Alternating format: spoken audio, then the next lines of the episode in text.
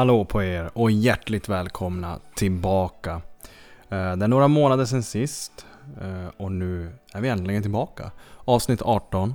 Ingen mindre än Sofie Gidlund från Kiruna. Eh, Sofie är en skidåkare som kör friåkning.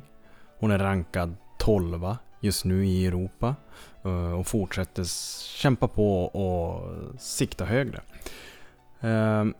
Vi går även in på den mentala biten, eh, hur viktig den är här i livet och lite mental hälsa. Att livet är inte alltid strålande sol och eh, puderåkning som Sofie uttryckte det varje dag utan det kan vara kämpigt ibland men eh, vi tar oss igenom det. Så det här avsnittet vill ni inte missa. Varsågoda.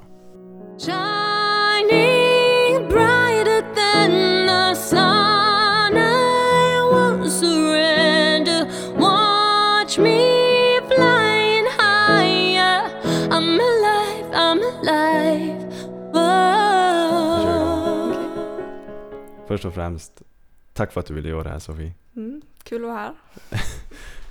Ehm, men nu vill ju jag ta reda på För när folk vill ha dig till min podd så säger de skidtjejen Och som vi just pratade om innan vi började Du åker ju eh, friåkning Heter det så? Mm, jajamän, friåkning. Men ska vi, ska vi gå in på vad du gör idag? För jag hade velat veta också Hur blev du den du är idag? Mm. Men vad gör du idag Sofie?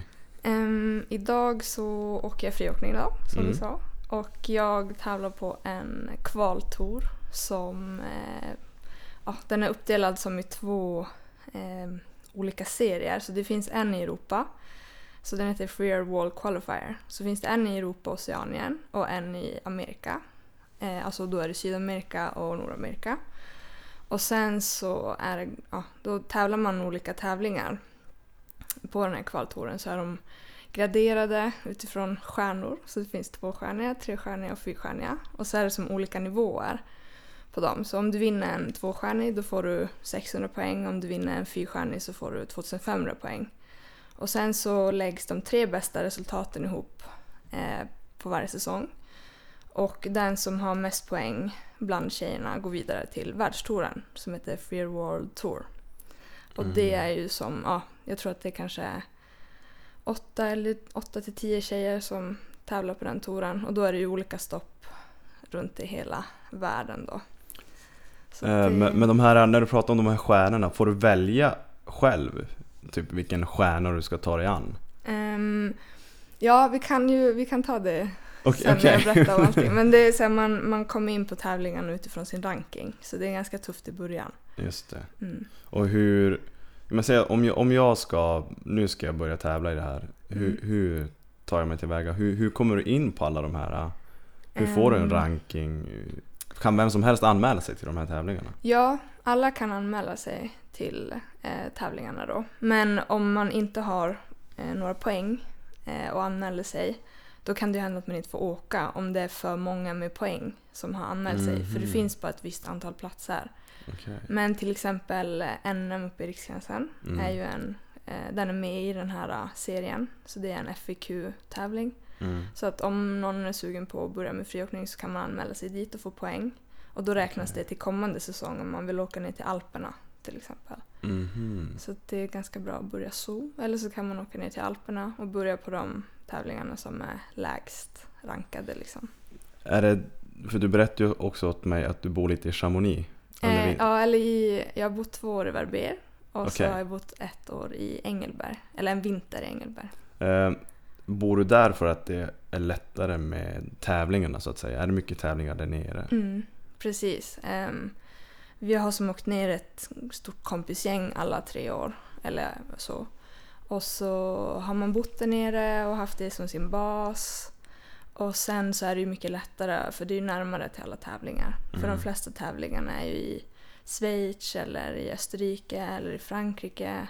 Sen så finns det också tävlingar i Slovakien och på Nya Zeeland. Så det finns ju... Och så, sen kan man ju såklart åka till USA också och tävla om man vill. För man kan tävla på varandras tävlingar. Okej. Även fast USA har en egen liga och vi har en egen i Europa och Oceanien. Och sen tas de bästa ut från ligorna Mm. och blir den här världscupen som du pratar om. Precis, precis. Till världstouren. Så då är det en tjej, eh, tre killar, eh, en snowboard herr och en snowboard dam. Och så är det ju både från Europa och så samma antal från Amerika, från deras liga Okej. liksom. Varför är det färre tjejer? Ehm, jag vet inte. Har det med, an- med antalet eh, Ja, deltagande att men göra jag tror kanske? alltså det har ju varit en väldigt mansdominerad sport, friåkning. Mm. Men det börjar bli väldigt populärt för tjejer också. Och det har hänt väldigt mycket på bara några år sedan jag började också. Eh, så man kan ju hoppas att det, det blir samma snart.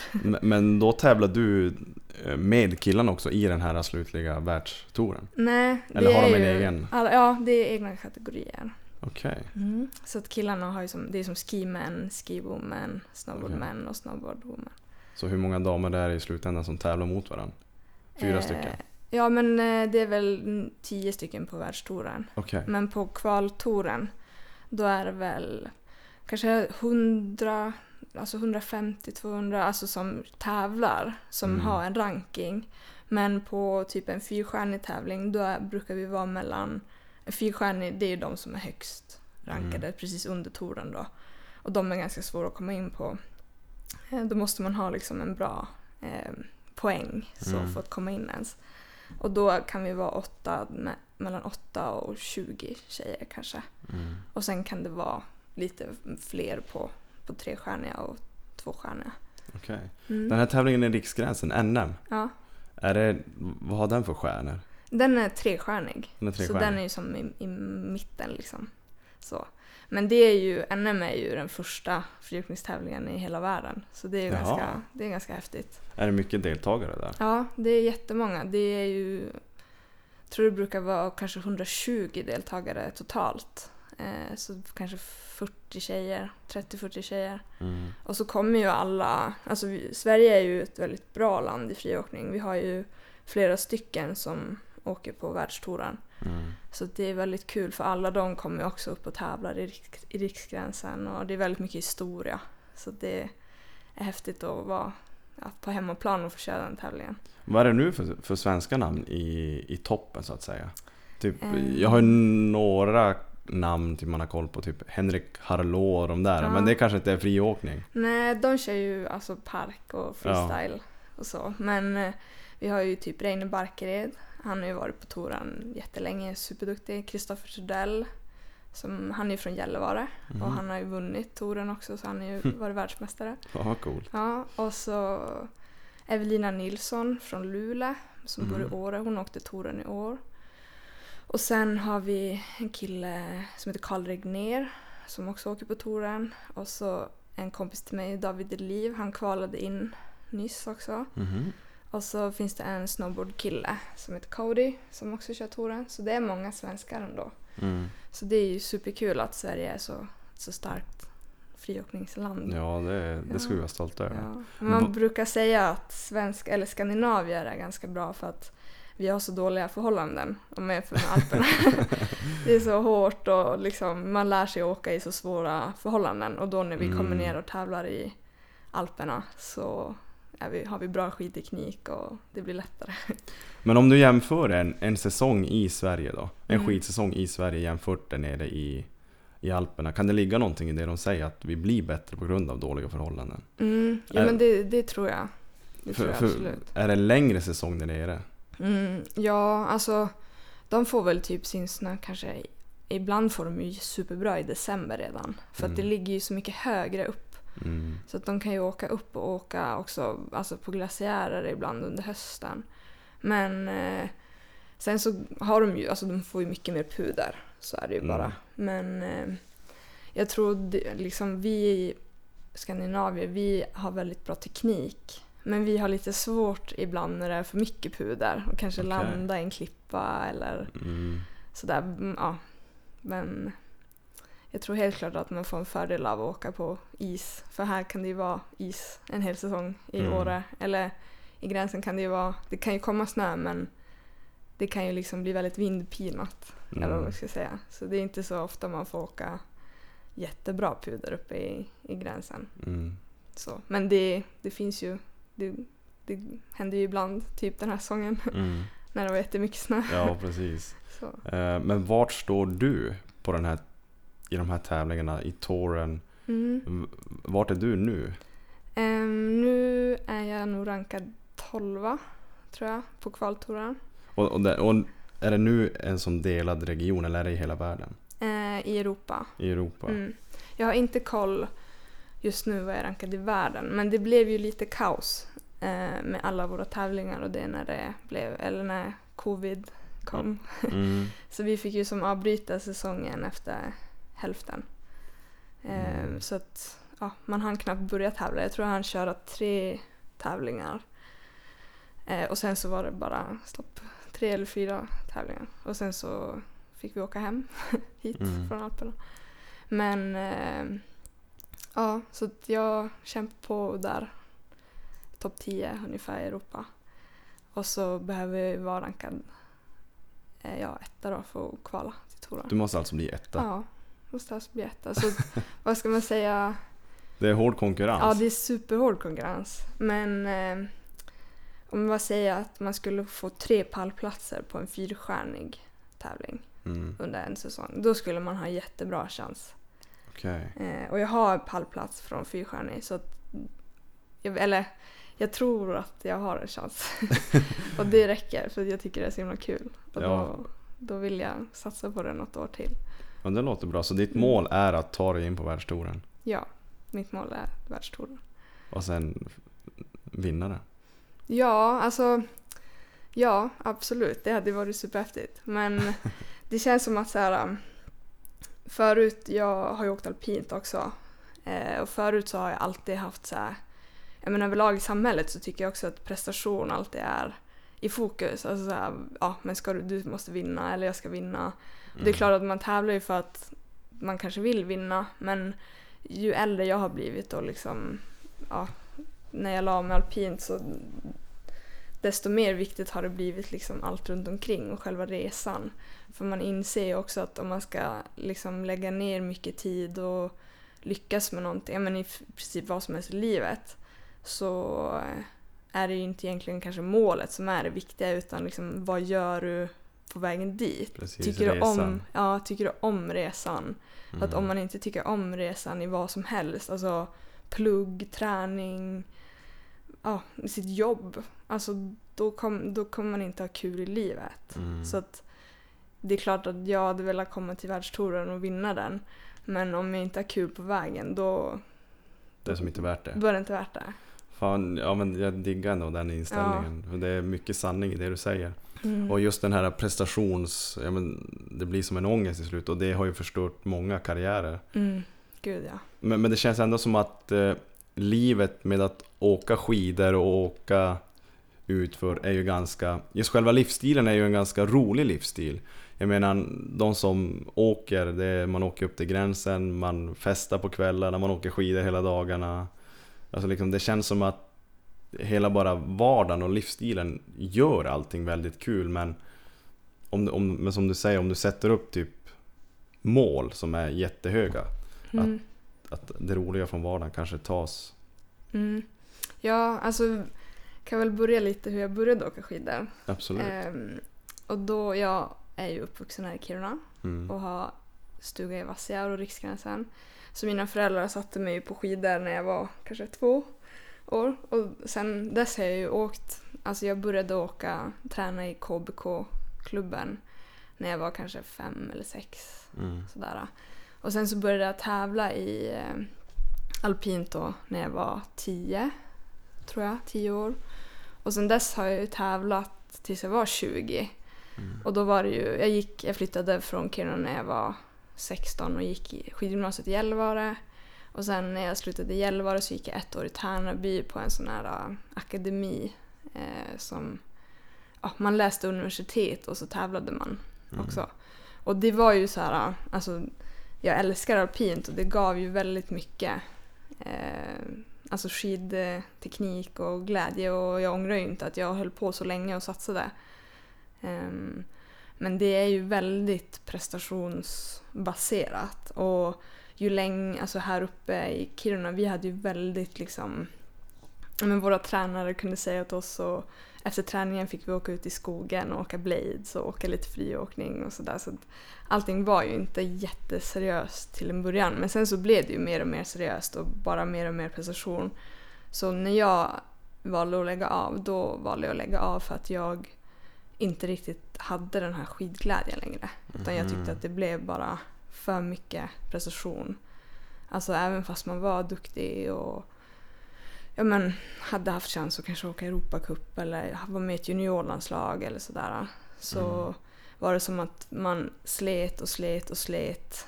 Och till slut så började jag inte heller tycka om resan. Alltså jag, det blev liksom... Man tränade och tränade och tränade. Och så fick man som inte liksom, man kom aldrig till det där målet för att det var ju bara prestationen som betydde någonting.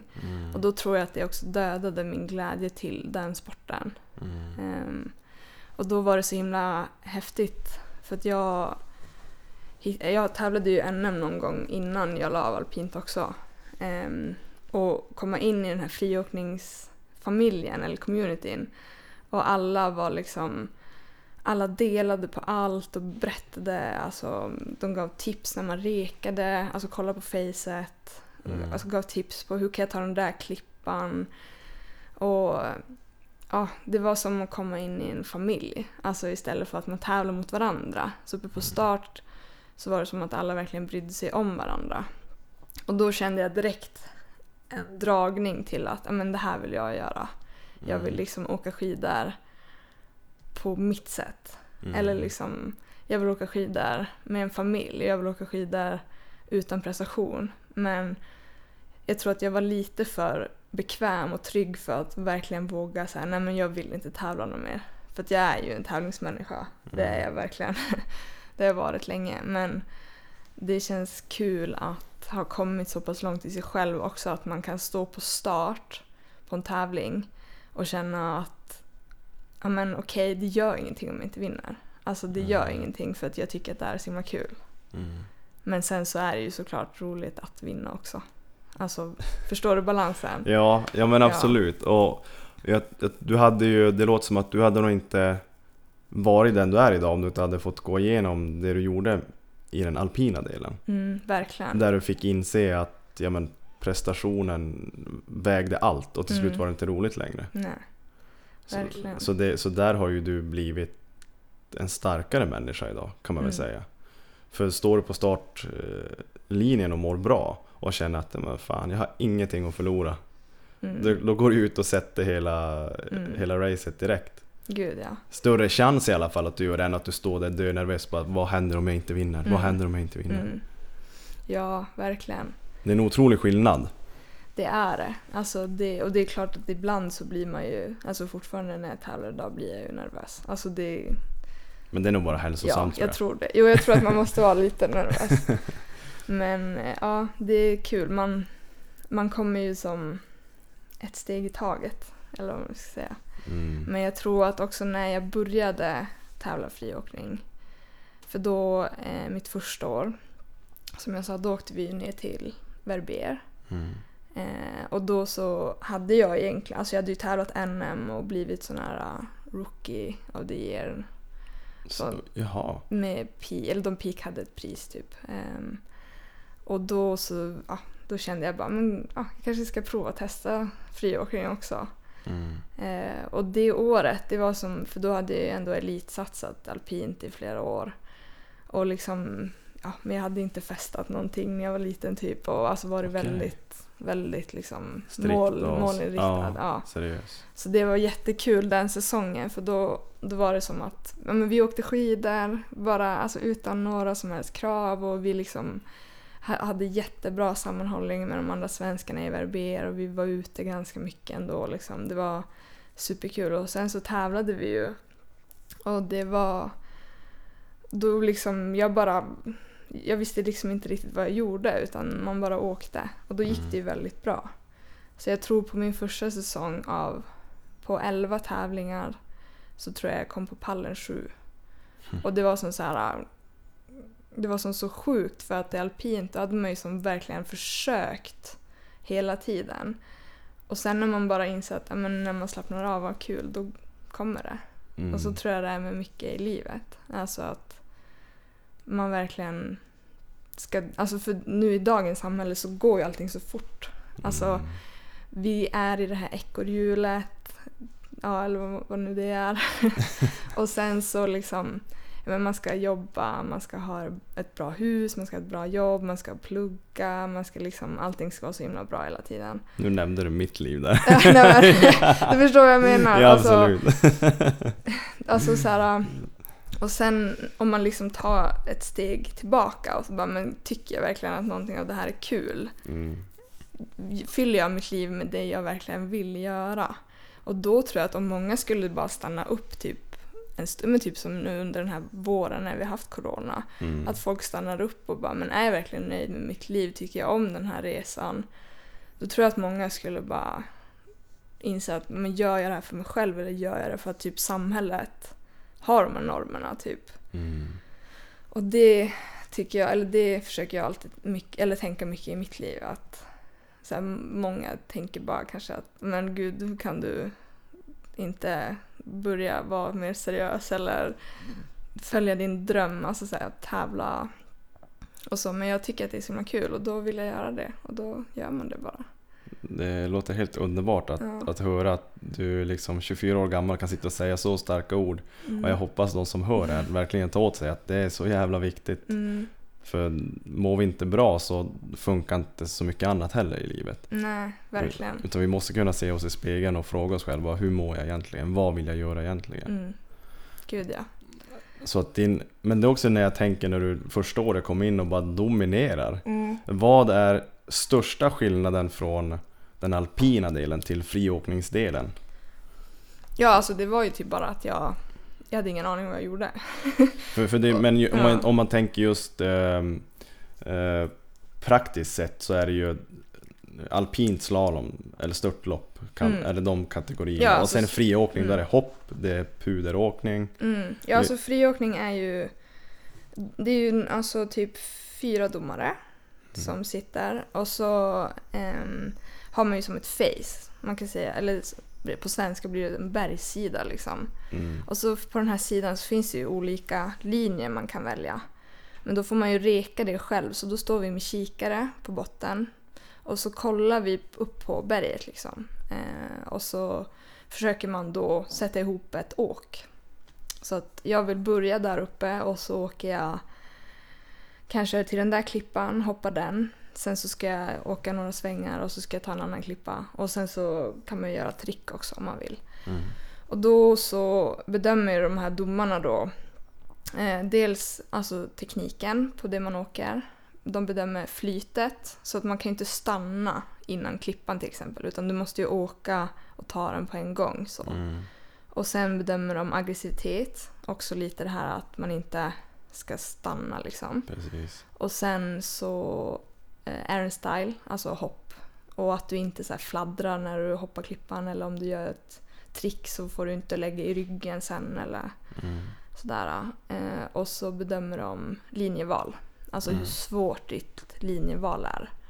Alltså hur tajt det kanske är att åka till en klippa eller hur svår terräng det är om du åker i en ränna med massa stenar eller sådär. Och då så lägger de ihop- alla de fem kategorierna då. Så får man en poäng. Mm. Då oftast mellan 50 och 100. Mm. Och så ja, blir man rankad ut från poängen bara. Hur mycket kände du att din alpina del i livet har hjälpt dig med friåkningen? Alltså, för jag tänker om du aldrig har hoppat förut, Mm. ut för en klippa. Sen går du bara och gör det. Alltså, hur mycket hjälp har du fått från den Mm. alpina och hur mycket har du varit tvungen att lära dig? Alltså jag lär mig ju fortfarande jättemycket. Men eh, alpina eh, delen har ju gett jätte, jätte, jättemycket. För att man har en så bra skidteknik.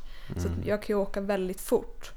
Mm. Eh, men då gäller det ju också bara det att kunna anpassa den farten till det jag kan hoppa. För att jag kan ju Mm. inte hoppa hur stort som helst liksom. Men eh, sen så hade jag ju ganska jag hade ju som åkt mycket upp i Riksgränsen ändå och åkt med mina kompisar och ja, men Karin Stöckel från Kiruna hon bytte ju också från alpin till friåkning och, Mhm. och som när hon gjorde det och då blev man också lite peppad och började testa hoppa lite grann och så, här. så jag hade ju ändå hoppat lite klippor innan. Mm. Ehm, men man lär ju sig, alltså det svåraste tycker jag nu det är ju att reka, alltså med kikan och stå nere och kolla och så vet man inte riktigt hur stor en klippa är. Så måste man som försöka ja, förstå hur stort det är och man vill ju inte ta en för liten klippa heller för då får man ju mindre poäng. Och, Mm. Så att man måste som, man lär ju sig, alltså fortfarande varje tävling så lär man ju sig någonting. Vad är den största klippor du har tagit då? Oj, det vet jag inte. Men kanske fem, fem, sex meter? Mm. Det är ganska högt. Jo, det är ju det, men det känns som att när man kommer med fart och så, så det är som att hoppa från femman på badhuset. Jag vet inte. För det, just med, med dropp som man kallar Mm. när typ jag var mindre. Men då är det så här, för, alltså farten som byggs upp i liksom själva droppet. För mig är det typ, det går inte att hantera. det är det som är, Mm. för det är någon speciell känsla just med, med, med klippor. Att man vill hoppa ut för klippor, jag fattar inte.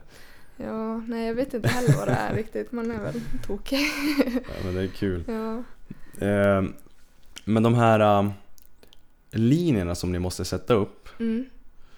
Kan, alltså, du, får du skapa din helt egna eller finns det redan utsatta färdiga linjer som du säger, du måste, ni måste reka Mm. nerifrån?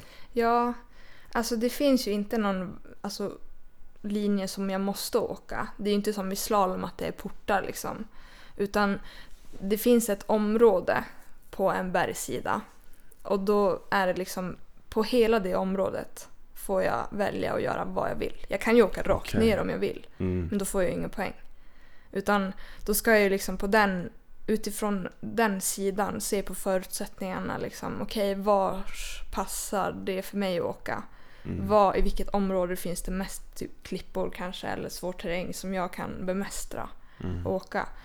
Och då så får man ju reka utifrån det och sen så eh, ja, bestämma sin egen linje. Så det är ganska kul för att man får ju så mycket frihet. Så jag och min kompis vi brukar säga att det är som att vi, vi liksom målar på berget. Eller Mm. säga. Ja, det blir ju så. Så, ja. Får, får ni några teståk innan det är tävling? Nej, det får vi inte. Så det, får inte det? nej, Så det är ganska svårt att du vet, stå nerifrån och så ska Ah, man shit. försöka föreställa sig liksom, okej, hur kommer det se ut vid det där droppet? Eller hur ska jag hitta Ja. dit? Så jag brukar liksom tänka att jag brukar ställa mig med ryggen mot och tänka att jag åker. Mm. Så visualisera och det brukar vara ganska bra.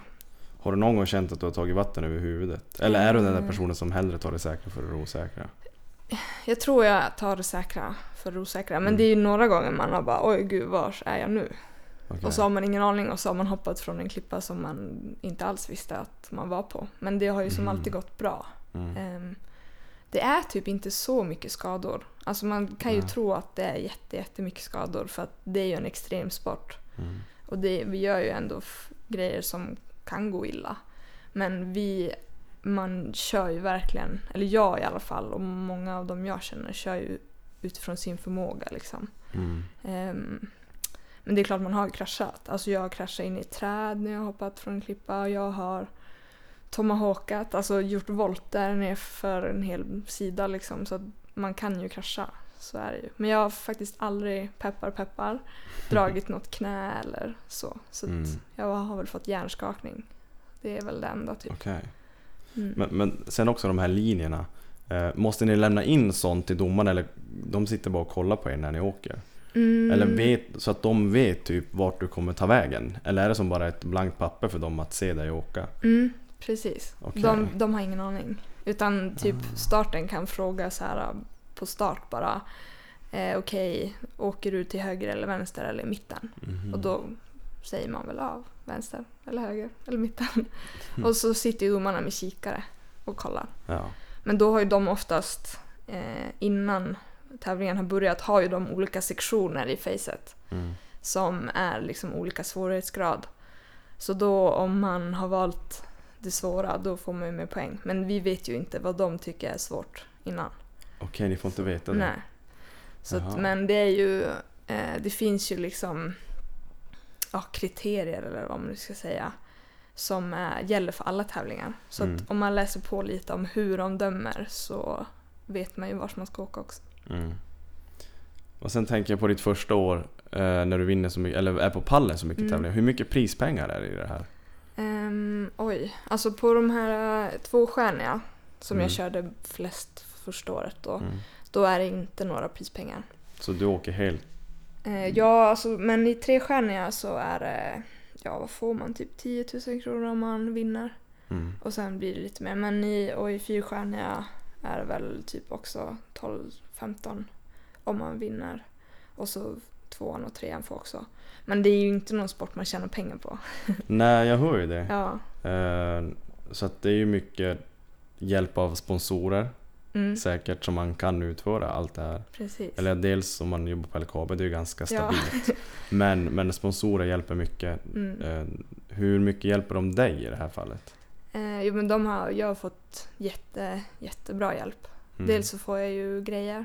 Så Mm. jag, jag kör för Head och för Helle Hansen har jag kläder. Sen så får jag hjälp eh, med glasögon, googlar spektrum och sen så är ju Höjdmeter här i stan, de är ju helt fantastiska. Mm. Så de har hjälpt mig med lite så små prylar och de hjälper ju alltid till med ja, vad man än behöver, fixa någonting. Bindningar eller vad som helst.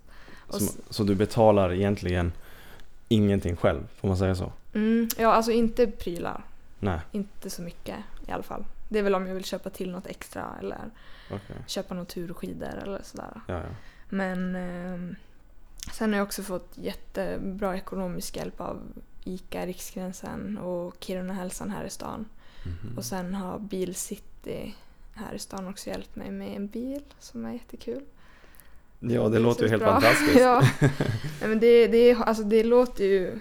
Det är ju hårt jobb. Alltså, att jobba med sponsorer också, det är jättehårt jobb. Man får ju verkligen visa fram fötterna och visa vad man vill. Och, och sen liksom... Idag, det är ju mycket... Eh, men som skidåkning, man brukar ju prata mycket om att skidåkningen har blivit som väldigt mycket på sociala medier. Att eh, jo, men det är väldigt lätt för oss att marknadsföra oss, våra kläder och skidor och sånt på sociala medier. Så att man skapar väl, alltså jag tycker ju om att fota och göra filmer och sånt också. Mm. Och då är det ju väldigt kul att jobba med, ja, med företag och kunna hjälpa dem att marknadsföra sig. Liksom. Så du måste jaga dina sponsorer själv? Ja, alltså. Det är så alltså? Ja, man hör, alltså, så gjorde i alla fall jag, att jag hörde av mig till folk. Men sen kan det ju också vara att man känner någon som de hörde att det här skidmärket behövde en ny tjej och då kan man liksom höra av sig. Och, men sen om man kanske kommer till touren då kanske folk vill ha en mer. jag vet inte.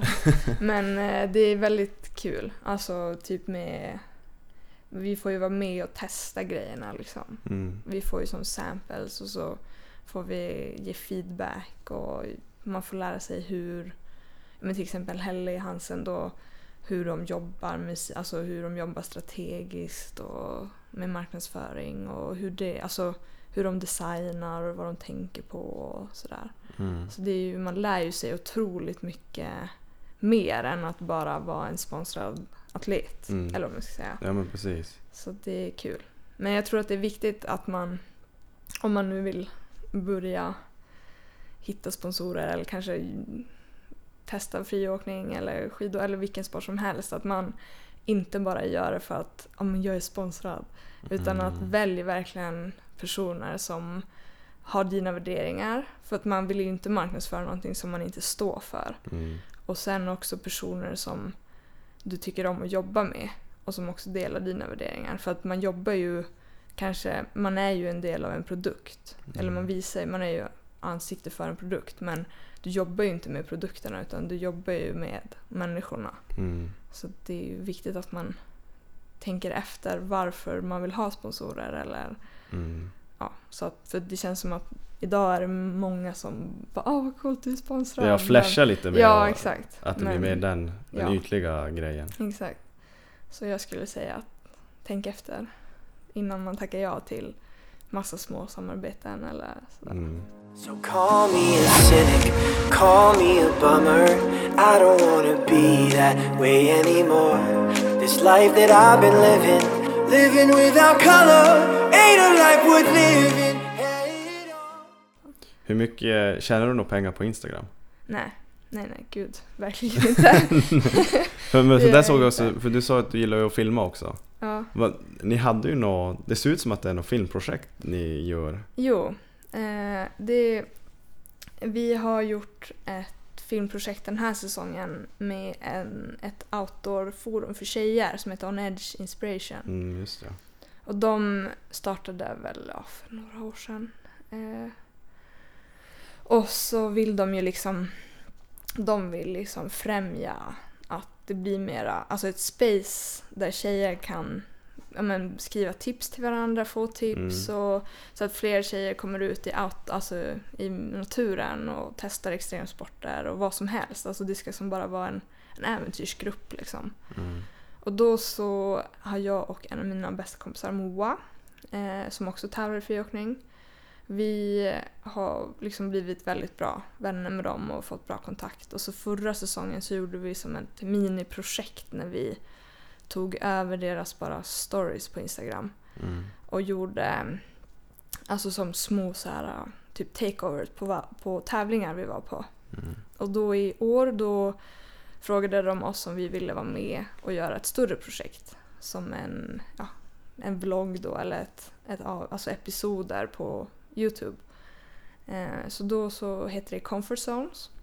Och så skulle vi göra fyra avsnitt men vi hann två för det hände ju så mycket där med corona. Mm. Eh, så då har vi gjort ett avsnitt från Åre när det var liksom försäsongsträning. Och ja, lite, vi pratade bara om våra satsningar och sånt där. Och sen så gjorde vi ett avsnitt från Engelberg när vi hade en shred och safety-dag. Eh, då bjöd vi in massa tjejer i byn eh, och så hade vi, vi gick på lavinutbildning eller lavinföredrag, säkerhet och så gick vi, åkte vi upp i backen och tränade på lavinsäkerhet och gräva och rädda varandra och så här. Och sen så filmade vi lite när vi åkte också. Eh, vi hade, åkte till exempel med en, en bergsguide och fick lära oss eh, ja, men, att vara ute i backen och kolla terrängen och så. Mm. Eh, så det var superkul. Eh, och i det här projektet då så vill vi väl vi vill liksom, inte, vi vill liksom visa det, råa också. Mm. Eh, och visa alltså från ett feminint perspektiv också för att vi tycker att det saknas lite det är ofta i filmbranschen och så. Mm. Det behövs ju feminina drag liksom både för killar och tjejer. För det feminina är förtryckt idag. Och då är det kul att kunna visa att ja, men vi vill liksom bara göra rått och visa att det är okej att visa känslor, det är okej att ja, men ta upp sådana här grejer och så. Så jag tyckte det var ett väldigt roligt projekt att jobba med för att det var så himla avslappnat och avklätt Mm. typ. Vi var ju bara oss själva. Mm. För alltså, jag tycker inte att det är kul att vara framför kameran annars. Jag blir väldigt nervös. så men nu gick det jättebra för att det var liksom ja, väldigt, man fick bara vara sig själv och det tycker Mm. jag är skönt. Men är, är det så att det är förtryckt eh, feminint? Jag tänkte just, är det, mot, är det så i skidvärlden också? Att det är, för det känns ändå som att alla i den världen, och de flesta är som en familj. Så att, men är det ändå så att det är förtryckt liksom? Alltså, det är klart att det är förtryckt på vissa, alltså inom vissa delar men det har ju blivit, alltså jag, man kan ju inte ens säkert föreställa sig hur det var för 20 år sedan. Mm. Men det har ju hänt väldigt mycket. Eh, men jag skulle ändå säga att det fortfarande är förtryckt för att ja, men vi tjejer vi får ju mindre plats eh, Mm. alltså inom media och just det här också eh, ja men typ i skidfilm till exempel. Det blir ju bara häftigare och häftigare grejer. Man ska göra coolare trick, ta mer chanser, alltså mer risker. Mm. Ehm, och då är ju det, ja nu generaliserar jag väl lite också men det känns ju som att det är typiskt ett alltså, maskulint drag. Mm. Att man ska ta så mycket chanser och visa att man, att man är inte rädd Mm. kanske man ska säga. Men, eh, och då eh, om man skulle få in ett mer femi- alltså få in det mer feminina också så skulle det ju bli en bättre balans tror jag Mm. inom ja, men, skidfilm och tävlingar och alltså så här, jag, jag, jag tror bara att alla skulle må bra av att ha det mer balanserat. Liksom. Mm. Att så här, jo, men det kanske skulle bli mindre skador om till exempel mm, de killarna jag åker med. Ibland kan jag uppleva att Alltså de tar för stora risker, alltså de gör väl inte det men att det hela tiden ska vara vem kan hoppa störst eller vem kan hoppa si och så. Och istället att man kanske bara, nej men idag känner inte jag för det där. Mm. Idag vågar inte jag det där. Alltså sen, bara att man ska kunna få erkänna att jag vågar inte det där nu. Och att man Mm. inte är en fegis för det. Eller bara en sån grej. Mm, ja, men jag förstår. Ja. Fast jag tror inte man kan För det kommer finnas dårar där ute i skidvärlden. Så jag tror inte man kan klandra dem heller om de vill typ Mm. hoppa stort och större och större hela tiden. Mm. Men jag förstår exakt vad du menar. Mm. Jag är en jävla fegis. ja. Nej, men just det, alltså absolut.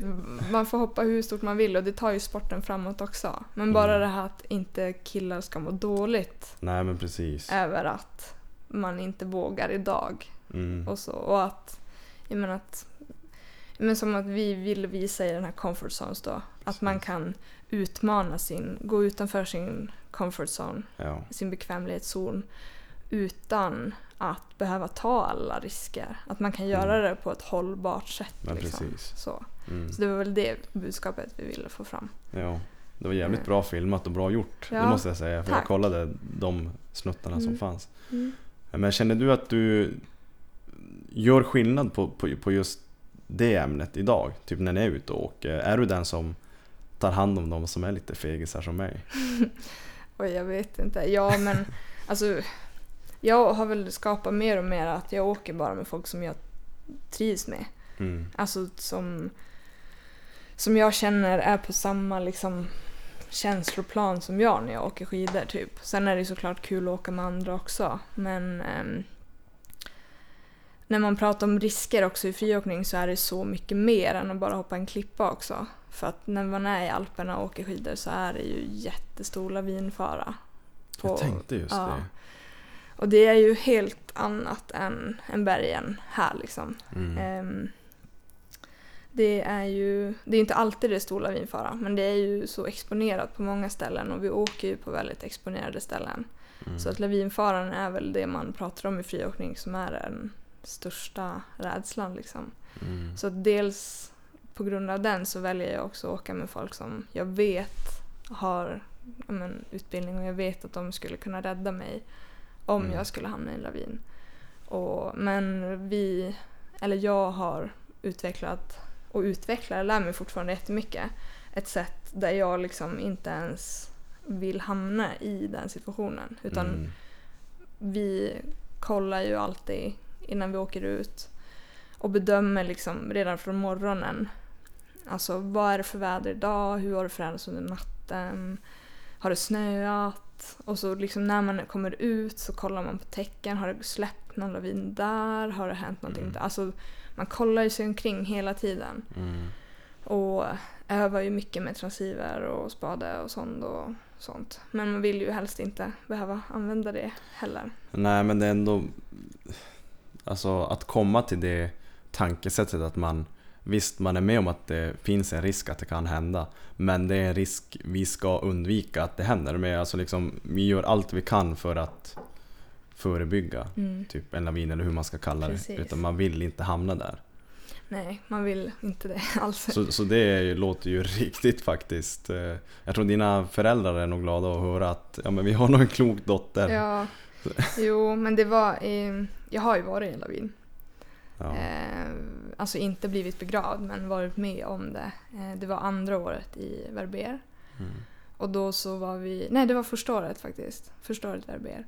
Så var vi och filmade med en kompis som heter Hedvig Wessel. Till en webbserie som hon hade. Och då ehm, så gick vi upp tidigt på morgonen.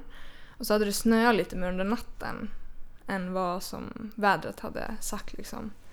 Och då eh, så bothajkade vi. Och det är när man går upp för eh, backen, liksom skidorna på ryggen. Mm. Och så var vi i en ränna då. Och så skulle vi som bara korsa ett, en bergssida när vi hade kommit upp från den här rännan. Eh, ehm, och åka ner på baksidan på en backe. Och så hade vi med oss filmare och fotograf. Och sen så när vi... Eh, så kom en av mina komp... Vi var fem tjejer. Och så kom två stycken upp.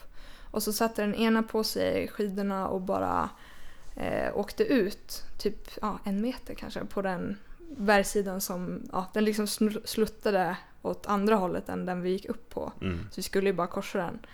Men då när hon åkte ut där så släppte hela sidan. Så vi fick ju, vi som var, det var jag och två andra tjejer som var kvar i rännan.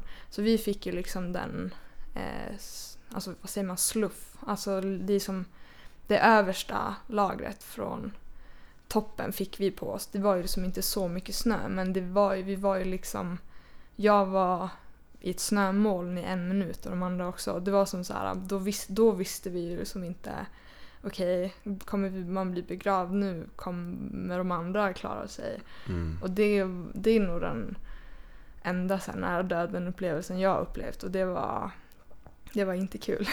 Och då hade du inte ens skidorna på dig liksom? Nej, alltså man hade ju dem på. Bara- alltså, ja. ja. Och sen då, efter att snön försvann, då, kollade, då hade man ju som panik, jag grät, kommer jag ihåg. Och så kollade man ju bara ja, men runt sig liksom. Var det Moa, var det Hedvig och så Marte, hon hade ju som blivit begravd då till, eh, så hon var bara begravd till halsen, så hon hade ju som huvudet fritt liksom så. Och så den andra tjejen som var uppe, Ida, hon kunde ju som gräva upp henne då. Så det gick ju bra. Och när det gick så bra så har vi som lärt oss väldigt mycket av det. Men jag var ju, alltså så här i efterhand, kanske min första säsong så var ju kanske inte jag förberedd nog egentligen Okej. för att Mm. åka på de ställena vi gjorde, har man ju insett nu i efterhand. Mm. Alltså så här, jag litade väldigt mycket på andra, andras kunskaper istället för att jag har kunskap och då kan jag ta egna beslut baserat på min kunskap istället för att lita på någon annans kunskap Mm. som kanske inte är tillräckligt bra.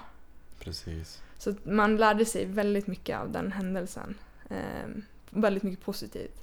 Och det kan jag tänka mig. Ja. Det är, alltså den där minuten måste ha varit lång. Jo, det, var, det var jobbigt. Men för, om, hade, du haft skid, eller hade ni haft skidorna på er? Kan man glida ut en lavin? Eller hur, hur jo, funkar det i jo, en lavin egentligen? Alltså det kan man ju. Alltså om det släpper en lavin då kan man ju åka ifrån den. Det är ju Mm. ganska vanligt att man gör det. Men ibland hinner man inte det för att det går så fort. ja. Men nu när vi hade tur, alltså setup, då är, ju, då är man ju där. Och så dels så var vi också i en ganska smal ränna. Mm. Så då är man ju fast där. Så när man är i rännor då måste man ju vara extra noga med att bedöma så att det verkligen inte släpper. Mm. Men eh, det var, det var verkligen en, en lärdom. Och, Alltså. och liksom polarna vart begravda ändå. Ja, en av mina kompisar. Men eh, ni i teamet, var det ändå, även fast det var mycket tumult, var det ändå som ganska lugnt? Att ni visste vad ni skulle göra när allting, när lavinen var över? Nu okej, polarna är begravda, nu tar vi ut dem. Ja, alltså jag var ju typ 10 meter ner för vi var ju fortfarande på väg uppåt. Ja. Vi turade ju fortfarande. Och så var ju Moa och Hedvig bakom mig också så att det... ehm, det var, vi kunde inte göra någonting. Alltså Mm. jag satt ju där och bara hörde typ att i, alltså hon som grävde upp min kompis då att hon bara grät. Så man hade ju egentligen ingen koll på hur det var med kompisen som var begravd och det var ju också jättejobbigt. Mm. För att man fick ju direkt så här paniktankar att gud tänk om hon inte klarar det eller liksom hur går alltså så. Men man, ja, jag har nog aldrig känt mig så hjälplös Nej, som i den stunden. För att just när det var en kompis att så här, man vill så gärna hjälpa. Och jag tror att det också var en stark känsla till att jag har verkligen försökt investera och lära mig väldigt mycket mer nu om lavinsäkerhet och vad man verkligen ska göra Mm. om det händer. Men det är också skitsvårt när alltså, det kan ju hända på så många olika sätt så det är Mm. jättesvårt att förbereda sig. Men man kan ju förbereda sig så bra det går. Mm. Vad är chansen att man överlever en lavin? Jag har inte koll på Oj, det. jag vet inte. Alltså det är ju sådär om du är begravd typ mer än 10 minuter så ja, Då droppar fem minuter, oddsen, det typ. droppar ju jättefort. Mm. Så att man brukar ju säga liksom att för att man ska ändå ha en bra chans så är det ju att få upp, få upp personen inom fem minuter liksom. Mm. Så. Och sen alltså, det är ju hemskt men det kan ju vara superstora block.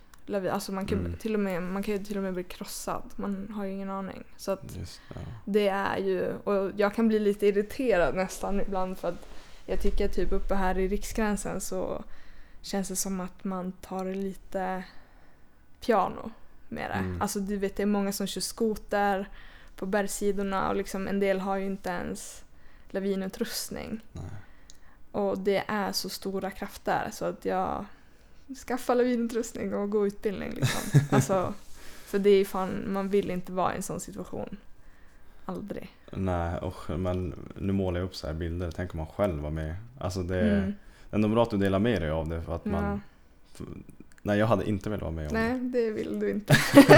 Och speciellt inte vilja... Tänk att vara med om att ja, men du kanske missar lavinen precis, sen ser, du polaren bli begravd. Mm. Alltså det är ju... Visst, det är ju alltid risker i, i allting du gör här i livet, Mm. typ, men... Nej, fan vad otäckt just det där inom Mm. skid, när man åker friåkning. Mm. Jo, det är ju folk också som omkommer liksom. Eh, Årligen va? Det är ja, det säkert. Ja, ja, alltså i Verbier. Ehm, när vi var där, jag tror det var säkert 20 stycken båda åren som omkom. Alltså nu vet man vet ju inte vilka det var men laviner är, det tar mer folk än vad man tror. Ja. Men det pratas inte så mycket om det liksom. Så verkligen investera i, och det finns ju jätteduktiga här i stan också Mm. som håller lavinutbildningar och alltså det är Okej. lätt värt att investera lite pengar. Alltså det, det är lite dyrt men det är alltså man får ju tänka liksom väga. Men vad är livet värt? Ja, exakt. Livet eller lite pengar. Liksom. Men de som vill gå lavinutbildning som hör dig nu då, vart ska Mm. de höra av sig? Men jag vet att Höjdmeter har ju eh, olika utbildningar och sen så är det ju, vet Robin Andersson, ehm, han jobbar, han jobbar på Höjdmeter, Mm. klättrar mycket. Han, de har ju startat en egen firma som håller lavinutbildningar. Okej, Så men jag- ja, Höjdmeter har koll. okej. Ja. Men först och främst dit då? Ja, och så vet jag att Slough har ju också lavinutbildningar. Okej. Så att man kan anmäla sig på nätet men då är det kanske inte här i stan. Mm. Och sen så vet jag att Replacing Luck som är uppe i Abisko. De har ju också, tror jag, lavinutbildningar. Ja, men det är bara att googla. Alltså, Ja det, precis, jag tänkte säga det. Det är Mm. bara, Det finns, finns annars google. ja, det finns mycket. finns många som är duktiga. Men vad är planen nu för dig då Sofie? Ehm, ja, jag eh, på sidan av min sån här lilla skidkarriär så pluggar jag också. Eh, Mm. Så jag pluggar en linje som heter Ekoentreprenör för hållbar utveckling. Mm. Eh, Så man får en kandidatexamen i miljövetenskap. För jag älskar naturen och jag vill jättegärna jobba med, med naturen och hållbarhet. eh, För att det är ganska illa. Och Mm. Det skulle vara, jag vill gärna jobba med någonting som, ja, men som känner, jag känner ändå att jag gör skillnad. Mm. Eh, Så, så jag har ett år kvar på den. Så att jag ska plugga nu den här hösten, 100% och bo uppe. Ja, först ska jag jobba klart i gruvan, Ja sommarjobbet. Och sen så ehm, eh, ska jag bo uppe i Vassiaur i höst och plugga, Jaha. 100%. Och eh, sen vet jag inte, eh, för att det är så svårt att veta nu. Ja men precis. förhoppningsvis så eh, åker jag ner till Engelberg igen Mm. och bor där eh, och tävlar. Men vi, det, man har ingen aning. Nej. Men det är ganska skönt. Man får liksom bara pausa och vara i nuet. Alltså, jag tror att det är bra för alla att vara i nuet mer. För Ja. det, man har liksom sitt liv planerat tre, fyra år alltså Ja. fram. Men man har ingen aning. Det kan ju hända något, någonting nästa vecka som gör att hela ens liv förändras. Mm. Så att jag har försökt att bara, alltså, ja men förra året så, liksom det var en tung, två tunga år har det ändå varit. Av personliga anledningar också och, och sånt här. Sen är jag ju jätteglad att jag har haft skidåkningen men det man har lärt sig verkligen det är ju så här ta hand om, att man liksom måste ta hand om sig själv. Mm. Och jag har mediterat väldigt mycket och verkligen men, börjat inse så här, vad som verkligen är viktigt i livet. Typ. Ehm, så jag tror på det att planera, man ska inte planera för mycket utan försöka bara flyta med och ja, men planera det som går. Fan vad skönt att höra. Jag, Mm. Vi har pratat mycket meditation för att jag är ju mer åt det är också där lite, inte spirituella hållet men Mm. att vi måste ta hand om våran kropp. Mm. Meditation, liksom yoga. Jag tror du är den första av typ 18-19 gäster som säger att du mediterar så jag Ja. nu blir så här en, en milstolpe. Ja men Fan, det, det är fan det är, I början så kände jag bara men gud för jag har alltid varit så himla, alltså jag har alltid gjort typ tusen saker. Alltså jag har varit den här duktiga flickan du vet, i skolan och haft mycket, ja men liksom haft många bollar i luften. Och det hade jag också, alltså så här, jag pluggade, jag åkte skidor, tog hand om mycket saker. Så jag gick ju typ in i väggen. Alltså, ja, mådde väldigt dåligt. Um, och då tog det ju, jag hade jättefina människor runt omkring mig liksom och men man fick ju ändå ja, men, gå den tuffa vägen och inse själv att det är ju inte någon annan som gör att jag mår så här, det är jag. Utan ja, då började jag som meditera, började liksom fundera på vad som verkligen gör mig lycklig typ. Och då har jag det största jag har lärt mig det är typ dels fokusera på, försök fokusera på en sak i taget. Alltså Mm. man behöver inte göra tusen saker varje dag. Utan liksom gör en sak i taget och typ ge dig själv tid att sitta ner och meditera, läsa en bok, träna, alltså träna, äta bra. Mm. Alltså så här, det är så mycket, det är så viktigt att man ger sig själv den tiden för att få sin kropp att må bra och sitt huvud. Mm. För att det tar lång tid att komma tillbaka och jag känner ju också nu, även fast jag liksom inte, jag blev ju inte helt deprimerad men jag mådde ju inte så bra. Ehm, så känner jag ju på en gång nu när jag, är, alltså när jag gör för mycket saker. När jag typ kanske har varit ute och tävlat och rest mycket och sen så ska jag jobba lite eller plugga. Alltså det, jag kan inte göra saker samtidigt längre. Det går liksom inte. Var det, eh, vad ska man säga, orsaken till, eh, till att du började må dåligt? Var det utbrändhet eller? Ja, alltså jag vet inte. Jag vet inte om det var helt utbrändhet men jag har ju som alltid orkat göra allting hela tiden. Mm. Och sen så, ja, jag orkade typ inte ens gå upp i sängen. Alltså vissa dagar. Det var Mm. som så här, alltså jag, även fast jag var i Verbier och det enda jag behövde göra på en dag var att åka skidor så ville jag inte det.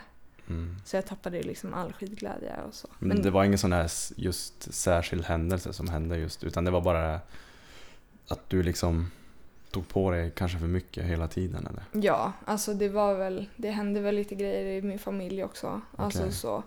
Men eh, det var väl också mitt, så som jag är som person, att jag ja, men jag vill typ ta hand om alla. Alltså jag Du tar väldigt, ansvar, Ja, jag ja, tar väldigt precis. mycket ansvar och då så blev det för mycket bara.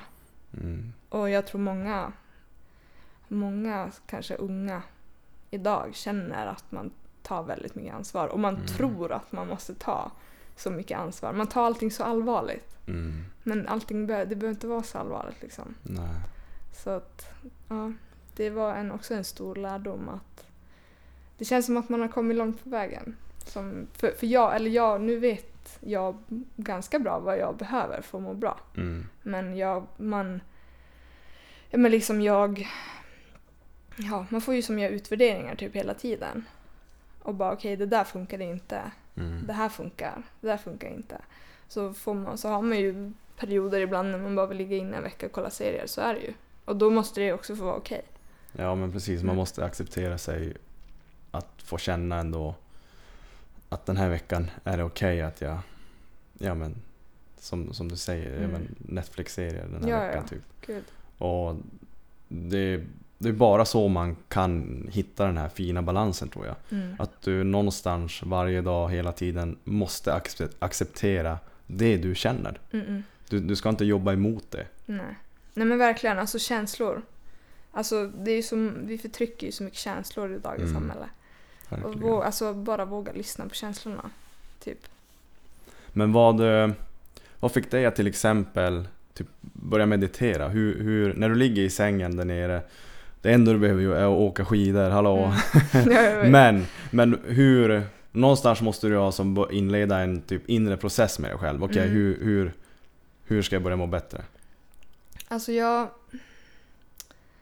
Jag tror att liksom när jag kom till... Eh, jag åkte en tävling och gick inte vidare till... Det här var ju förra året då. Mm. Och gick inte vidare till final och jag, alltså jag, blev, jag var så himla ledsen. Och så orkade jag liksom inte ens åka och kolla på mina kompisar som åkte till finalen. Mm. Och det var då jag insåg typ att fan, jag mår inte så jävla bra nu. Ehm, och då fick jag, alltså jag har haft jättetur för jag har haft mycket fina människor runt omkring mig som har stöttat och funnits där. Men det jag började att göra, eh, som funkade väldigt bra för mig, det var att jag köpte en bok, en, ett skrivblock och bara började skriva ner allting. Alltså, jag Typ bara, dagbok. Ja, men typ en dagbok. Så typ varje morgon, oj, eh, varje morgon när jag vaknade, eh, inte varje morgon, det orkade jag inte, men många, alltså, bara när jag kände för det, Mm. när jag kände att jag vaknade och bara uff vad det känns jobbigt, typ. Då bara skrev jag ner allt. Jag bara lät det flöda ut på Precis. pappret. Och då kändes det mycket bättre eh, när jag fick skriva. Och sen också det här att man vågar säga att man mår dåligt. Mm, jag Alltså- tänkte just det att man, för någon, sa du till någon eh, liksom att "Ja, men fan nu är det illa liksom? Mm. Jag gjorde det. Och jag är Mm. jätteglad att jag vågade det. Ehm, för att jag tror att alltså det är klart man kan komma ur det själv. Men man ska inte vara rädd för att ta hjälp. Nej. Man ska verkligen inte det. För att det finns folk som vill hjälpa och folk är, behöver hjälp i olika delar av livet. Och man kan ge och ta och alltså bara finnas där liksom. Mm. Och eh, om du kommer, om du har tagit det stora steget att faktiskt öppna dig för någon som du kan lita på. Jag är ganska säker på att de som har någon som de verkligen litar på kommer att stötta dig. Mm. Om, du, om, om jag går till dig Sofia och jag litar på dig, vad fan, jag behöver hjälp. Jag, jag tror inte du kommer liksom avsky mig för det. Nej, nej, nej, nej, gud. Och jag tror att också som du säger att alltså, om man vågar öppna sig själv Mm. då kommer man också kunna finnas där för andra även om man inte känner dem så bra. Mm. Alltså för att då förstår man liksom att det är okej, Mm. typ. Och sen, liksom, även om det är jobbigt det du har gått igenom så sitter ju du nu, det blir som en utbildning ändå, liksom nu just i det här nu, i podden. Folk får höra att, men vad fan, som vi pratade om innan podden, Mm. att ja, men, du lever ju värsta glamorösa livet. Mm, Jobbar lite på LK, Mm. hämtar lite pengar, mm. ja, sen är det och åker lite skidor. ja. Fast vardagen kan bli grå ändå. ja, ja, gud. Alltså verkligen. Det är ju inte alltid det sol och puder liksom. Nej, heller. Men jag tror att allt det här som man går igenom, som alla går igenom, det gör ju också att man blir en, en starkare människa. absolut. Och jag tror också att det är viktigt att man, om man är i en period när man mår dåligt, att man inte tänker att och nu vill jag dit, jag vill liksom inte vara här utan, utan att man liksom okej, nu är jag här, jag mår Precis. dåligt och det händer av en anledning. Mm, För allt händer ju av en anledning. precis. Mm. Det är så jävla sant. Mm. Fan vad bra. Ja. För, för det var det som gjorde mig på, jag har också varit där. Men det som gjorde att jag kunde ta mig ur allting, det var att jag var tvungen att rannsaka mig själv. Alltså jag var Mm. tvungen att erkänna att nej, vet du Pontus, det är fan bara du som har satt i den här situationen. Mm. Du kan inte skylla på något eller någon. Och, och liksom komma till det steget först och jag har ganska lätt för att prata så för mig var inte det, det svåra klivet var inte att säga åt någon att jag mår dåligt. Mm. Utan det svåra var nog att erkänna för mig själv. Du vet man är lite tjurig bara nej men fan jag mår ju bra egentligen du Mm. vet. Man vill alltid tro att det är så fint och alltid sol och puder i ens liv. Mm. Men det är inte alltid det. Och så, så att det som fick mig att ta mig ur det, det var faktiskt att erkänna. Mm. Och sen, jag började också med meditation. Jag har alltid läst mycket böcker, men självhjälpande böcker, biografier. Alltså liksom, jag vill kunna hitta människor som kanske har gått lite samma väg. Eller liksom har varit på en, på en krokig väg och tagit sig ur det. Okej, men hur, hur gjorde den här människan? Mm. Liksom, som, ja men då kan jag lyssna på dig Sofia, men hur tog Mm. du dig ur din liksom, vardag, även fast du bara behövde åka skidor? Mm. För, alltså liksom hämta lite referenser. Men vad, vad gör folk när de mår dåligt? Verkligen. För att kunna hitta mig själv. Och nu har ju jag kommit till det stadiet. Precis som du pratade om. Det är så jävla sant och fakta. Liksom, där vi accepterar våra känslor. Vi kan inte påverka egentligen det här yttre. Utan livet kommer alltid hända. Vi måste liksom bara kunna infinna oss. Mm. Och lite göra det bästa av situationen. Försöka se det mesta positivt egentligen. Exakt. Exakt. Att man inte tar allting på så stort allvar. Ja, men, ja Mm. att det behöver inte vara så jävla allvarligt. Så, så det är ändå skönt att höra att, Mm. att du faktiskt Och att du vågar öppna dig och prata om det också. Ja, men det, det är alltså mer prat, mer öppenhet. Ja men jag tycker också det. Det jag, tycker, jag tror och eller jag tror i alla fall att det är för få som vågar öppna sig och vågar Mm. ta det där steget. Jag vet Mm. att många har det där. Men deras jobbiga kliv är oftast att våga erkänna. Mm. Fan jag mår dåligt. Gud ja. Men jag tror också en viktig del i det här är ju också alltså, sociala medier. Åh. Alltså allting. Ja. För att alltså man... Jag lägger ju inte ut det dåliga i mitt liv. Alltså även fast Mm. jag kanske borde göra det så gör jag ju inte det. Utan man lägger ju ut när man kanske har gjort något kul eller när man har tagit någon fin bild. Och så tycker jag att det ska få vara. För att Mm. det är så här, man måste som ändå man måste som inse själv att okej, nu konsumerar jag den här personens flöde och det triggar mig. Varför triggar det mig? Och då kanske man måste inse att okej, jag kanske skulle vilja vara som den där personen eller leva den personens liv. Men då måste man också inse bara, men vänta nu.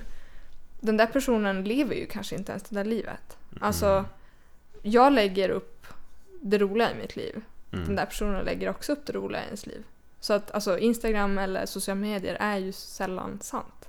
Och det är vårt egna ansvar också att inse och förstå att det vi konsumerar är inte sant. Så att Mm. det är inte... Om man mår dåligt över sociala medier och inte vågar prata om det dåliga i sitt liv för att man tror typ att ingen annan har det dåligt. För att ingen annan kanske visar att man har det dåligt på typ sociala medier Mm. då blir det väldigt skevt. Så jag tror att det är viktigt att man tar sitt eget ansvar hur man konsumerar allt vi kan få in i dagens... Men nyheter också. Mm. Alltså det är bara hemska Ja, jag nyheter hela läser tiden. du ens tidningen? Nej. Nej, jag kan tänka mig Jag det. gör inte det faktiskt. Åh, shit, det är alltid Ja. dödsskjutning, Mm. det är bomber. Ja. Mm. Så ja, nej men ta, man får, man, det är också så här en viktig grej som typ är jobbig att inse. Det är ju att vi tar vår, alltså man har ansvar för sitt eget mående. Mm. Och det är det också som du säger att för dig så släppte det när du vågade erkänna. Mm. Och då har ju du tagit ansvar för ditt eget mående. Ja men det kommer till det för liksom Det spelar ingen roll om eh, Ja men Vi tar i ditt fall då Johan Mm. att, att Ja men om han börjar liksom till exempel må dåligt på, på något sätt så finns det ju faktiskt Ja men i många förhållanden där man Kanske lägger över sin egen lycka i den andras händer Mm. Men så får det inte bli Och så är det ju också i- alla relationer i hela livet Jag kan Mm. inte lägga över min lycka I dina händer då kommer jag aldrig bli nöjd eller liksom vara så glad som jag kan vara egentligen. Än om jag hade tagit ansvar för Mm. den. Förstår du vad jag menar? Exakt. Det är också en viktig del. Mm. Att man måste inse att nej, det är fan bara jag som har ansvar Mm. för min egen Verkligen. lycka och glädje och Verkligen. mående. Och sen kan man ju såklart stötta folk. Alltså, Mm. Men till en viss gräns. Alltså, jag, man kan ju inte banka sönder, vad säger man, stånga, stånga i väggen tills man blöder liksom för Mm. någon annan om inte den personen är redo eller öppen att Nej, ta precis. hjälp eller förstå. Precis. Och det är också en stor del av, eller någonting som har hjälpt mig att liksom inte ta för mycket ansvar. Så. Mm. Ehm, Men det är svårt att inse det för man vill ju gärna hjälpa dem man älskar mycket. Liksom. Så är det Mm. Och det verkar som att det har legat i din natur. Liksom Mm. att, ja men det bara är så. Mm. Ja. ja, jag vet inte varför. Men så är det ju liksom, i- ibland Mm. händer det så. Men hur gör du idag för att, vad ska man säga, eh, upprätthålla bra mående? Ehm, alltså jag försöker typ vara snäll med mig själv. Mm. Alltså vara snäll. Jag gör, alltså jag, är ju fortfarande, jag gör ju fortfarande för mycket saker ibland. Mm. Eh, Men jag försöker liksom innan jag tackar ja till någonting eller börjar något nytt så brukar jag försöka tänka efter lite längre. Vill jag verkligen det här? Kommer det här hjälpa mig eller kommer jag göra för mycket nu? Liksom? Och Mm. det har hjälpt mig mycket. Och sen så är det också väldigt viktigt för mig att få göra yoga, få Mm. meditera. Alltså det spelar inte så stor roll liksom hur länge eller vad men bara liksom att men så här, jag känner att jag får ge mig själv den tiden. Och sen såklart också röra på mig. Alltså jag Mm. älskar all rörelse som finns. Mm. Jag älskar att träna, Jag älskar att testa nya saker, jag älskar att cykla, jag älskar att klättra. Alltså, jag gillar bara att vara ute och jag gillar att röra mig typ. Mm. Så det, och jag tror att det är viktigt för att må bra så behöver man också röra sig. Ja men det är också jävligt viktigt att du tar upp det för många tror jag också kan må dåligt. Ja men det kan ju vara av vissa orsaker men jag tror att träning hade hjälpt i ganska många fall. Gud ja. Eh, för jag, jag vet, du kör ju crossfit. Hur ofta kör du crossfit till ja exempel? alltså jag har nyss börjat, jag är väldigt nybörjare. Du är det? ja, Ändå har du koll på alla rörelser och allting? ja nej, men jag ja. tränade ju väldigt mycket när jag körde alpin så körde vi tyngdlyftning. Ja. Så jag lärde mig ju tekniken ganska tidigt när jag var typ 12. Så. Men jag gick på boxen bara nu i början av sommaren när man fick gå med LKAB. ja. Så men jag tycker det är svinkul. Jag gillar verkligen crossfit. Men sen har jag ju tränat mycket på gym också innan. Så. Mm. Jag, tror att, jag tror att crossfit är ju, ja, säga vad man vill om crossfit, men crossfit tror jag är ganska, eh, inte snarlik med skidåkning, men jag tror att crossfit ska du utöva för att kunna upprätthålla en god fysik för att orka ta dig upp och ner för bergen också. Mm. Alltså jag tror att visst det är bra att jogga och sådär och Mm. det är bra att köra lite styrka, men jag tror att crossfit, där har du den optimala träningsformen för att kunna vara grym i bergen också. Mm. Men jag tror också det för att alltså, jag tycker mycket ibland att, så här, att man blir bara stark i en, i en övning. Men eh, jag träffade en tjej i år också, som en PT, som hon liksom säger att men jag vill inte vara stark i en övning utan jag vill vara stark i rörelse. Mm. Och det är ju så här för att när man typ åker skidor eller gör något annat utomhus, typ klättrar eller så, då är det ju rörelse, det är ju inte en övning. Mm. Och jag tror att, eller det känns som att crossfit i alla fall också, det är liksom Visst du kör övningar men du kör så himla mycket annat också som är funktionellt. Alltså, Mm. och det är ju verkligen funktionell träning så jag tror att det är jättebra. Men- Bara man inte tar för mycket eller tar vatten över huvudet. Ja men det är jo, folk, för det är det jag menar, för att säga vad man vill om crossfit, att det är så mycket skador. Skadorna eh, kommer ju oftast för att du har utmanat ödet lite grann. Mm. Man, man ska göra 30 reps men istället för att släppa efter 15 så håller man i och så Mm. sista 10 är åt helvete. Mm. Så att därav kommer skadorna. Så kan du kontrollera dig själv så kan du oftast göra Gud, bra också. Ja, man får inte bli så tävlingsinriktad. För kroppskontroll är ju också Måste du fan ha koll på när du åker i bergen också. Jag Jo. menar om du ska flippa och, Jo och inte sp- splattra i... Och liksom snön den kan ju vara allt ifrån is till puder till såna här bollar. Mm. Brukar säga kattskallar. Ja, kattskallar, det låter som något Kiruna-uttryck. Ja, men och sen liksom, det, du kan ju hamna som i alla möjliga olika vinklar. Mm. Ehm, och så du, måste ju, så du måste ju vara jättestark i bålen och du måste vara stark i benen. Och, ja, men du måste liksom ändå ha kroppskontroll. Mm. Så ja, ja, rörelse, det är bra. Och jag tror crossfit är bra också. Men det känns som det, att det är Mm. ganska optimalt just för, trä, eller för att ta sig upp och ner för Mm. bergen. Hur många är det i Mm. Kiruna som åker ut? För du nämnde ju några. Ehm, Är det stort här i stan? Alltså, jag vet Jo, men alltså friåkning. Alltså Karin Stöckel, hon är några år äldre än mig. Hon började ju som byta och åkte ner till Alperna och åkte ehm, på, på FIQ då, Karltouren. Och det var som av henne jag blev typ inspirerad och såg att man kunde göra så. Ehm, nu har hon ju lagt av, har två barn. Mm. Och sen så är det ju ja men typ Johan och ja, Isak Klein som jag tävlade alpint med. Han har varit med på en säsong också.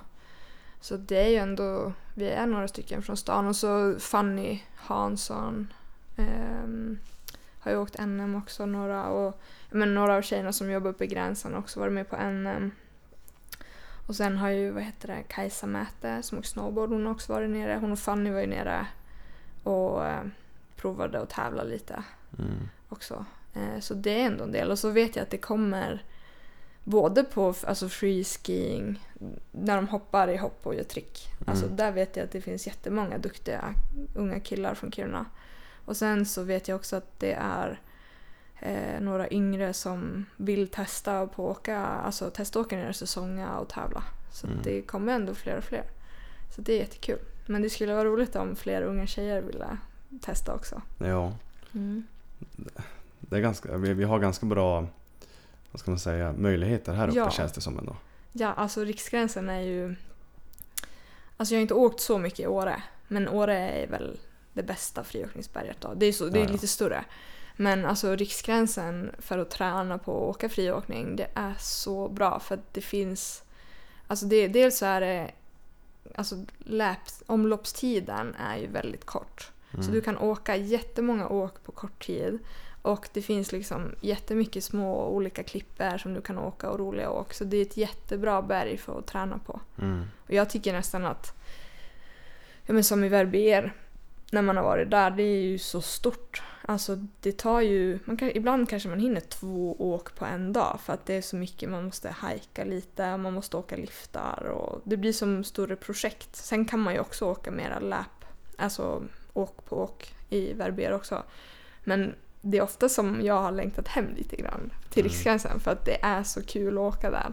För att man får så mycket åkning. Mm. Och så är det ingen folk. Alltså det är ingen kö. Ja, Eller ja, nu kolla- har ju lift. ja jag tänkte just det. Ja, det kan ju vara kö i Riksgränsen, men, Mm. hur, men då kan jag tänka, hur är köerna där nere? Eh, jo, att de är väldigt långa Att- ibland. Ja, Speciellt under lov och eh, sånt.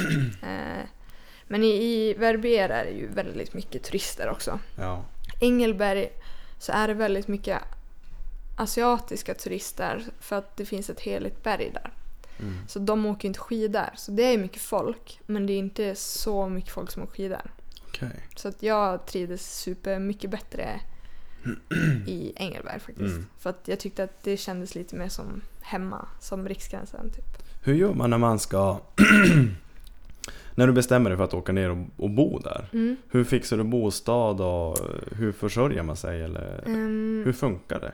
Ja, alltså jag frågade ju Johan då härifrån stan och så var det, var vi, det var jag och så fem killar då som åkte ner första säsongen.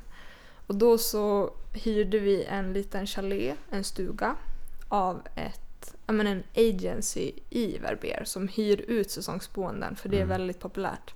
Så att om man liksom ska ner i Alperna och typ säsonga, eller också säsonga, då kan man kolla runt på olika forum, typ freeride kan man skriva på. Och sen så kan man också kolla, alltså googla agencies i Verbier, alltså, eller i Alperna. Typ googla bara säsongsboende. Mm. Och så går det ganska bra att hitta det. Och sen så måste man ju tänka hur man vill åka ner. För att man, vi har ju bott där nere i tre eller fyra månader. Och då behöver man ju ändå ganska mycket saker. Så jag har åkt bil ner. Eh, Mhm. både, alla sånger. Ehm, så då har vi ju kört i, på tre, tre dagar. Har det väl tagit. åkt färja och sådär. Så, men det har ändå gått bra. Mm. Men man kan ju flyga också eller åka tåg. Ehm, och sen så, ehm, ja, vad behöver man mer veta? Typ, man kan ju jobba.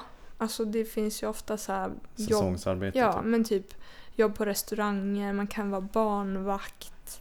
Jaha, ja. Eh, man kan jobba i skidskola. Typ. Men jag har inte, jag har jobbat som barnvakt lite första året. Sen pluggade jag på Mm. samtidigt.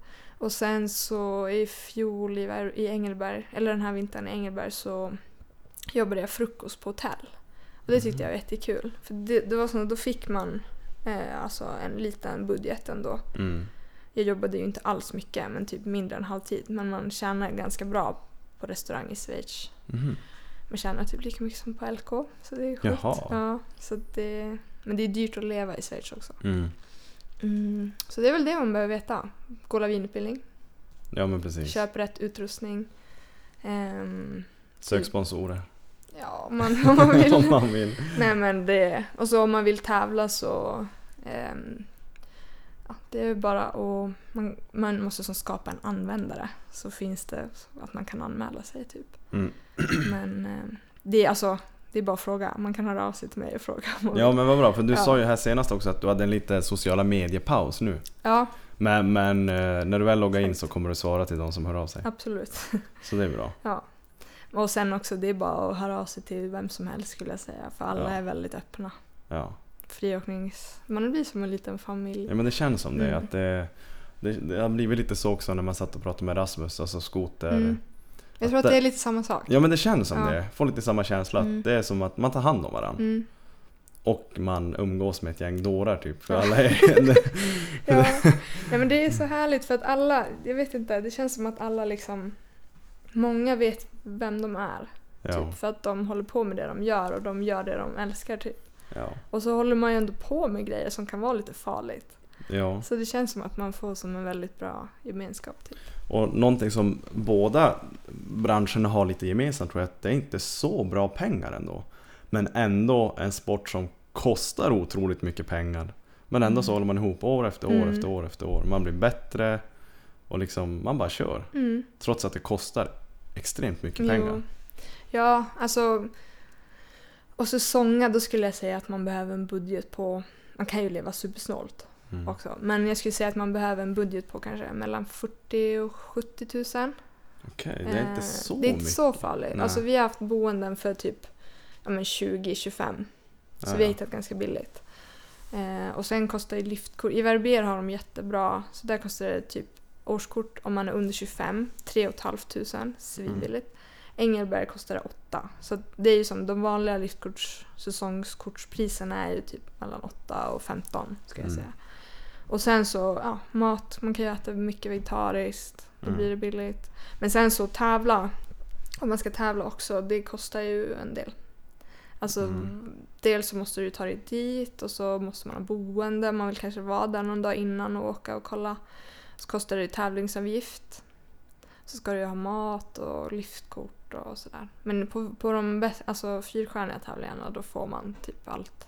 Alltså då får man lite mat och liftkort. Betalar du då typ en högre startavgift? Ja, då är det oftast lite dyrare startavgift. Vad, kost, vad kan en sån kosta? Mm, alltså startavgifterna ligger typ mellan 800 och 1600. Så det är ändå okej. Svenska kronor alltså? Ja. Jaha, ja ja. Men det blir ju alltså, om man tävlar 10 tävlingar så blir det ju ändå en del. Ja, Och så ska man åka runt och... Ja, jag har ju varit på, i, på i Nya Zeeland också och tävlat. Och det blir ju Mm. väldigt dyrt. Men väldigt värt. var det en... eh, Har du någon upplevelse som du känner bara att för fan det där det är det bästa jag typ bara varit med om? Någon tävling eller någonting? Typ var på Nya, Nya Zeeland och tävla? Mm, alltså det var ju hela... Det var ju helt sjukt. Alltså det var så... Det, jag var där två år. Mm. Ehm, och det, alltså det landet är jättehäftigt. Det är som en blandning av typ Norge och Kanada och ja, Hawaii. typ. Typ världens bästa... Ja, men det, ja, det är jättefint och alltså människorna där är väldigt öppna. Så vi lärde ju Mm. känna folk och åkte med folk där. Och sen så, de har ju inte så stora skidorter. Ehm, lite som, påminner lite som om Riksgränsen typ. Mm. Eh, Men sen så har de eh, någonting som kallas för clubfields. Och då är det så här, privatägda klubbar eh, som är skidområden. Mm. Så finns det ofta som här, små lodgar, stugor som inte är så lyxiga. När man hör en ski lodge då tänker man att det är superlyxigt. Men det är liksom väldigt så här, genuint och hemtrevligt. Och så när man bor där då får man hjälpa till med olika sysslor. Typ laga, hjälpa till att laga frukost, hjälpa till att laga mat, städa. Och då blir det lite billigare. Mm. Så då äter ju alla, liksom, alla måltider tillsammans när man bor där. Och så sover man i såna här bank, bunker rooms, i bankbeds. Så det är som Mm. våningssängar typ. Och sen så finns det inga liftar utan det är rep eh, som man åker med. Så då åker man runt med en typ, ja det kallas för nutcracker. Men det är som en järnklo som man lägger runt det här repet och håller i när man åker upp. Så det är jätte, alltså väldigt rolig skidåkning. Mm. Ehm, mycket, det är bara off-pist, det är ingen pist. Så Mm. det passar ju om man gillar att åka friåkning. Så Ja. om man har chansen och inte får så för mycket ångest av att flyga så kan man åka dit. Det är väldigt kul att åka skidor där. Men det är nog säkert mellanlandningar om man ska flyga dit va? Ja, alltså jag har flygit till Köpenhamn från, Okej. ja, Köp, nej, ja, en gång från Stockholm, en gång från Köpenhamn. Så jag har mellanlandat i Dubai och i Doha. Mm. Nej, inte i Doha. Ja, men i Dubai, typ runt där. Okej. Och sen ja. Sydney och sen Nya Zeeland. Så det blir typ så här 16 timmar Ja. eller någonting. ja, men det kan det vara värt. Ja. Men sen tävlingarna där är ju också svin, svin kul. Mm. För de ingår i en... ehm, ja, men det heter som Ny, eh, Nya Zeeland Winter Games. Så Mm. det är som typ deras OS eller vad, deras världscup. Så då är det olika sporter. Så det är som alpint, det är längd, det är pipe ehm, och liksom big air, alltså freestyle. Och sen är det ju friåkning. Eh, så det är ju jättestort på Nya Zeeland. Så det är jättemycket så här, mediauppmärksamhet och de sänder det liksom på nyheterna. För friåkning är ju inte en så stor sport annars. Så det har varit väldigt kul att vara där och tävla. Ehm, jag kom trea då på en fyrstjärna också så det var väldigt kul Mm. att ja, men så här, bli intervjuad i TV. Liksom. Det är inte- har man inte fått göra så många gånger. På engelska. Ja, så det var lite såhär, oj. Men det var alltså bara få vara där och med sina kompisar och uppleva allt det. Det är, ju, det är verkligen att älska resan. Mm. Så det var häftigt. Fan vad coolt att höra ändå. Alltså, du, man, du får se liksom hela världen. Mm, Mm, Och du gör bara det du tycker är kul. mm. Det är Jag ganska försöker i alla häftigt. Finns det typ Mm. X-games i friåkning? Nej, det gör inte det. Det är ju som, det, där det som, typ, det som, som är finns det. är touren liksom. Mm. Men det är ju som ja, men världscupen typ, Ja. i alpint. Och sen så finns det en final i, i Verbier som Mm. är som, om man vinner den då blir man som typ, eller om man vinner hela touren då blir man som världsmästare typ. Mm. Mm. Världsmästaren idag typ i friåkning, är det Mm. heltidsproffs? Ja, de kan ju leva på det. Ja. Okej. Så det är som ganska stort glapp. Alltså Ja. även fast nivån, nivån är ju väldigt hög på qualifier. Eh, på kvaltouren då. Men sen om man skulle ta sig till världstouren så är det liksom väldigt stort glapp i pengar och Mm. och sånt. Men man får se hur det går. Ja, men jag tror att det kommer Mm. gå bra för dig ändå. Ja. Jag är Mm. eh, supertacksam att du vill göra det här. Mm. Sjukt intressant att höra en helt annan sida av livet typ. Mm. Alltså liksom en, en, en, ett område som man inte är så insatt i. Även om man själv åker skidor. Så känns det ändå som Mm. att fan, det där var bra. Ja, Det, Men det är jättekul att, att dela lite mer och få berätta mer om sporten. Känner du att det är Mm. någonting som du vill tillägga? Typ tips, tricks, alltså liksom som folk borde veta om dig eller om, om skidor, liksom rent generellt. Oj, jag vet. Ja, men typ alltså om man, om man vill någonting eller är sugen på någonting, bara prova. Att man Mm. liksom inte ska vara så rädd för att göra fel eller rädd för att skämma ut sig eller rädd för att misslyckas. Alltså, Mm. vad är misslyckas? Mm. Du har ju fått någonting ändå liksom. Så Ja. att alla här i stan och i... Ja, det är bara att köra.